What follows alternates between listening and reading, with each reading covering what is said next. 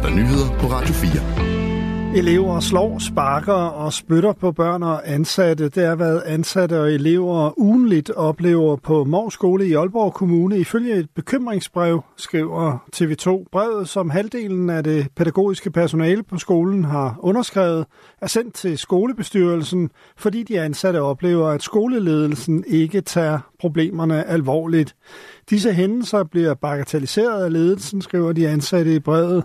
Flere forældre siger til TV2, at deres børn har oplevet vold på Mors skole. Det er for eksempel Line Skov Jensen, hvis barn i 0. klasse er blevet slået og sparket. Som forælder så bliver jeg jo enormt ked af det på mit barns vegne, og jeg bliver også meget frustreret, for jeg føler jo, at jeg bliver mødt af en ledelse, som ikke øh, lytter til de problematikker, vi oplever i forhold til vores barn. Når at, øh, jeg har henvendt mig også i forhold til at få en trivselssamtale eksempelvis, så bliver jeg egentlig bare faret af vejen. At det er ikke nødvendigt, fordi de oplever, at hun er i fin trivsel. Skolelederen på Mors Skole henviser TV2 til skolechef i Aalborg Kommune, Mads Rune Jørgensen. Han bekræfter bekymringsbrevet over for tv-stationen. Der er på skolen allerede i gang sat nogle initiativer for at fremme arbejdsmiljøet, som forvaltningen på baggrund af henvendelsen vil understøtte, skriver skolechefen. Regionerne og Sundhedskartellet har indgået overenskomstaftale. Danske regioner skriver, at man har indgået en aftale med kartellet, der repræsenterer otte organisationer på sundhedsområdet herunder sygeplejerskerne. Regionerne og lønmodtagerorganisationerne blev i sidste uge enige om en samlet økonomisk ramme for lønstigninger og forbedrede arbejdsvilkår på 8,8 procent i den kommende overenskomstperiode. Her blev der blandt andet afsat en såkaldt organisationspulje på 2 procent til forhandlinger om de enkelte faggruppers individuelle vilkår, og det er dem, som Sundhedspar Sundhedskartellet og regionerne har forhandlet om i weekenden. Sundhedskartellet omfatter 90.000 medlemmer. Meta, der står bag Facebook, nedsætter en enhed til at håndtere misinformation og misbrug af indholdsskabende kunstig intelligens. Det sker forud for det kommende valg til Europaparlamentet på baggrund af bekymringer om, at misvisende AI-genereret indhold kan påvirke valget. Indholdsskabende kunstig intelligens har været et område for stor vækst, og teknologien er både i stand til at skabe tekst, billeder og videoer.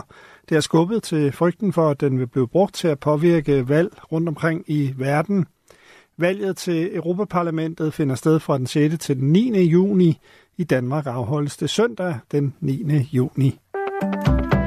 En række regeringsledere mødes i dag i Frankrigs hovedstad, hvor de skal diskutere krigen i Ukraine, der oplyser det franske præsidentkontor. Asbjørn Møller fortæller. Vært for konferencen, der finder sted i Élysée-palæet i Paris, er Frankrigs præsident Emmanuel Macron. Ifølge præsidentkontoret deltager mindst 20 stats- og regeringschefer. Blandt deltagerne er Tysklands forbundskansler Olaf Scholz og Polens præsident Andrzej Duda, og også den danske statsminister Mette Frederiksen. På mødet får deltagerne mulighed for at genbekræfte deres sammenhold, oplyser præsidentkontoret. Derudover vil konferencen være en anledning til, at stats- og regeringscheferne igen bekræfter, at de er fast besluttet på at overvinde aggressionskrigen, som Rusland fører. Konferencen bliver åbnet af Ukraines præsident Volodymyr Zelensky. Han skal holde tale via en videoforbindelse. Det var ikke noget avanceret angreb, som lagde flere hjemmesider ned i går. Det siger Jens Myhr Pedersen, professor i cybersikkerhed ved Aalborg Universitet. Jeg hæfter mig ved, at det er et overbelastningsangreb, som vi har set. Man kan sige, at det er, det er måske nok mere avanceret end dem, der har været tidligere, men det er stadigvæk kun et overbelastningsangreb. Det vil sige, at man tager en hjemmeside ned øh, midlertidigt, og når angrebet ophører, så kommer hjemmesiden op og kører igen, så der er ikke sådan en permanent skade på noget, og derfor synes jeg heller ikke, det, det er jo ikke sådan et rigtigt hackerangreb. Det er mere, det er mere irriterende. Flere hjemmesider blev i går lagt ned efter at være blevet ramt af et cyberangreb. Det gælder blandt andet Københavns Lufthavn, Trafikstyrelsen og Movia. Ifølge TV2 er det en russisk hackergruppe, som står bag. Også Tisted Kommune fik lagt sin hjemmeside ned. Angrebet var ifølge kommunen rettet mod Tisted Lufthavn. Men det er ikke så meget den her type angreb, jeg er bange for. Jeg er mere angreb, jeg er bange for angreb, hvor man sådan lægger ting ned øh, permanent eller får adgang til systemer og data, som man ikke burde have adgang til at bruge de adgange, enten til at få adgang til personoplysninger eller lægsystemer ned i længere tid.